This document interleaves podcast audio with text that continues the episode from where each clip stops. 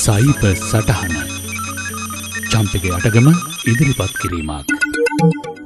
පසුගිය අගෝස්තු දෙවනිදා අපට ඉතා වැදගත් දවසක්. එදින තමයි වික්ටෝරයානු ප්‍රාන්ත්‍ය අග්‍රාමාත්‍ය ජැනියල් ඇන්ඩරස් මහතා හදිසියම ස්ටේට of ඩිසාස්ට ප්‍රකාශයට පත් කළේ. ඒ සමගම ස්ටේජ් 4 ලොක්ටවන් මෙල්බර්න් මෙට්‍රොපොල්ටන් ප්‍රදේශවලටත් ස්ටේජ් 3 ලොක්ටවන් ප්‍රාන්තේ අනෙක් ප්‍රදේශවලටත් ප්‍රකාශයට පත් කළා. මින් වැඩියෙන්ම කම්පන තරංග ඇති කළේ. රාත්‍රී අටේ සිට එදින සිටම ක්‍රියාත්මක වෙන ලෙස නියෝග කළ ඇඳිරි නීතියයි. මෙය දෙවන ලෝක යුද්ධයෙන් පසුව පළමුවරට ඔස්ට්‍රලියයානු ප්‍රාන්තයක මෙවැනි දරුණු මට්ටමින් ගමනා ගමන සීමා කිරීම් කළ දවසක් වුණ නිසා මෙල්බන් වාසින් කෙතරම් කම්පනයට පත්වනේ දැයි අමුතුවෙන් කියන්න අවශ්‍ය නැහැනේ. අගෝස්තු දෙවනදා උදේ මේ ගැන කිසිදු හෝඩුවාවක් කාටවත් තිබුණේ නැහැ. තද ලොක්ඩව් එකකට යයි කියන විශ්වාසය තිබුණත් මේ මට්ට මේ ප්‍රතිචාරයක් ඔවුන් කිසි ලෙසකින් බලාපොරොත්තුනේ නැහැ. නමුත් මේකට කිසිම සම්බන්ධයක් නොතිබුණත් බොහෝ දෙනෙකුට එදින උදේවරුවේ හරියටම මේ ගැන ඉඟි කරන්නා වගේ වෙන කිසිදාක නොවුණු කරදරයක් වුණා. ඒ තමයි ඒ අයගේ නිවසේ ටෙල්ස්ට්‍රා අන්තර්ජාල සම්බන්ධතාවය පැය ගානකට බිඳ වැටීම. ඉරිදා දවසක් වුණත් නිවසේ අන්තර්ජාලය වෙන කවදාටත් වඩා තීරණාත්මක මේ කාලේ. ඉන් ඉගෙනගන්නා දරුවන් නිවසේ සිට වැඩ කරන ඉතා බොහෝ දෙනෙක් අතිශය අපහස්ථාවයට පත් වනා. මේ අන්තර්ජාල බිඳවැටීම පිටිපස්සෙත් හරි අපූරු කාරණාටිකක් තියෙනවා. එනිසා අද අපි කතා කරන්නේ අගෝස්තු දෙවනිදා සවස වුණු ලොක්ඩවුන් එක ගැන නෙවෙයි. එදාම උදේවුණු අන්තර්ජාල බ්‍රේක්ඩවුන් එක ගැන. මේ අන්තර්ජාල බිඳවැටීම ගැන මුලින්ම ටෙල්ස්ට්‍රා කිව්වේ මේ සයිබ ප්‍රහාරයක් කියලා.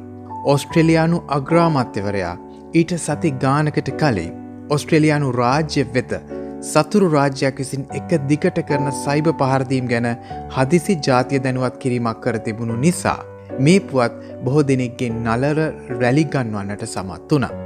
එය පසකින් කොරෝනා වසංගතය හරහා දරුණු ලෙස සාමාජීය දේශපාලනිකව සහ විශේෂෙන්ම ආර්ථික ලෙස අඩපනවී සිටි ප්‍රාන්තයක් යන්තම් හරි ඔළුව ඇසවාගෙන සිටියේ අන්තර්ජාලය හරහා ලබාදුන් ජීව උපකාරය එනම් ලයිෆ් සපෝට් එක නිසා.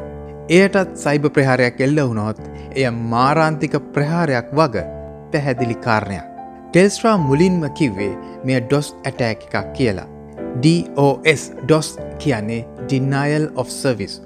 ඉන් අදහස් වෙන්නේ ජාලයට සේවය සපය ගන්න බැරි තරමට සංවිධානාත්මකව එවන සම්බන්ධතා හරහා එම සේවය කඩා වට්ටවා සාමාන්‍ය සේවය ලබාගන්න එන අයට එනම් ලෙජිටිමේට් යුසස්ලට සේවය නැති කිරීමයි.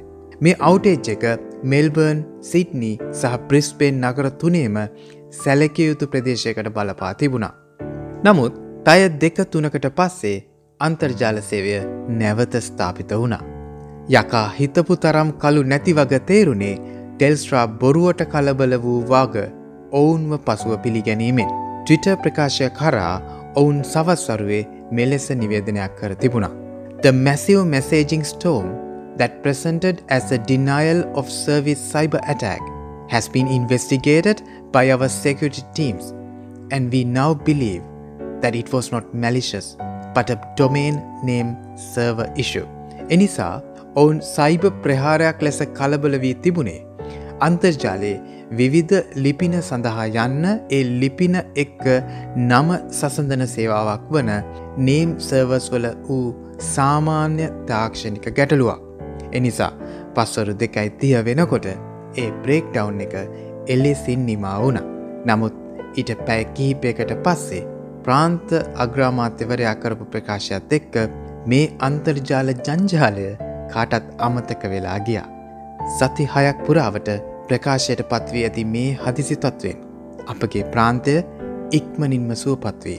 ජනජීවිතය සාමාන්‍ය තත්ත්වයට පත්වේවා කියා. 3ට්‍රිපලිසෙඩ් ප්‍රජාගුවන් විදිලි සේවය වෙනුවෙන් සයිබ සටහනය අපි ප්‍රාර්ථනා කරනවා. අදත් ඔබට සයිබ සටහන ගෙනා මම චම්පික යටගම.